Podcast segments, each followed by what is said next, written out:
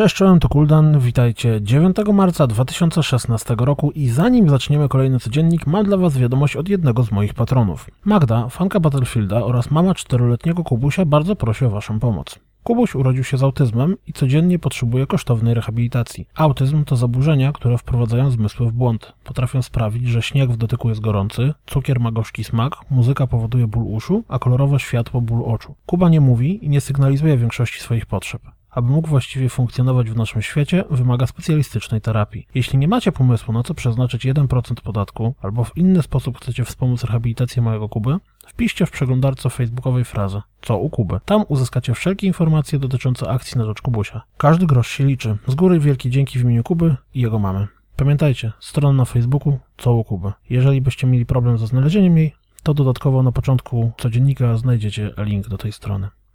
A teraz Zaczynajmy giereczkowe newsy. Gra o jeżdżeniu na tyłku, czyli Action Hank, dostała premierowy zwiastun, który dość zabawnie nawiązuje do przegrania z Brofurs w Vote to Play.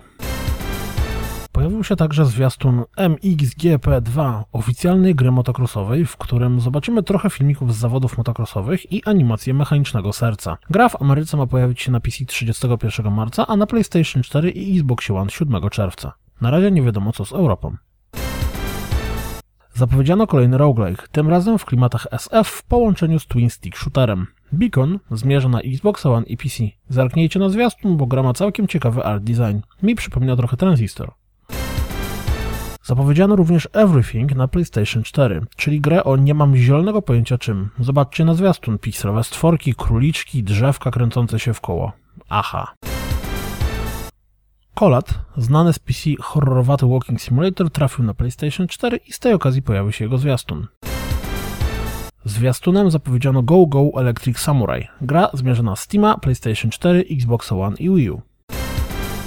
Valkyria Chronicles Remastered na PlayStation 4 pojawi się 17 maja. W zwiastunie możemy zobaczyć szczegóły systemu walki.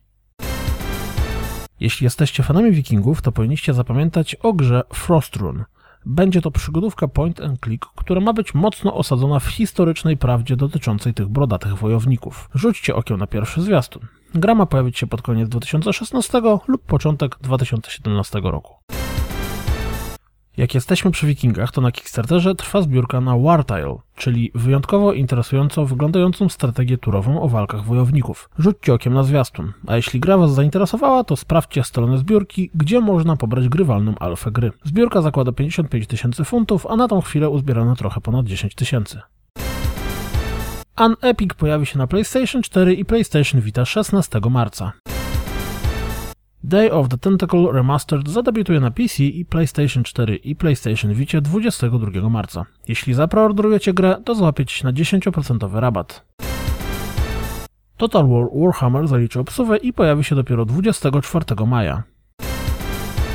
Alien Nation, nowa strzelanina od Housemark, zadebiutuje na PlayStation 4 26 kwietnia.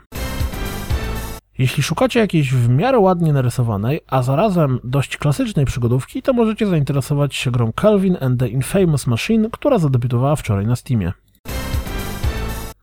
Chwalmy dwuwymiarowe słońce. Salt and Sanctuary zadebiutuje na PlayStation 4 15 marca. Gra na PC pojawi się w lato, a wersja na PlayStation Vita kiedyś. Cameron Harris, pełniąca funkcję senior editora przy Mass Effect Andromeda, poinformowała na swoim Twitterze, że w połowie kwietnia opuści BioWare, zrezygnuje z pracy w branży gier wideo i wróci do Seattle. Wcześniej z zespołu tworzącego grę odszedł lead writer Chris Schlerf i senior development director Chris Wynn.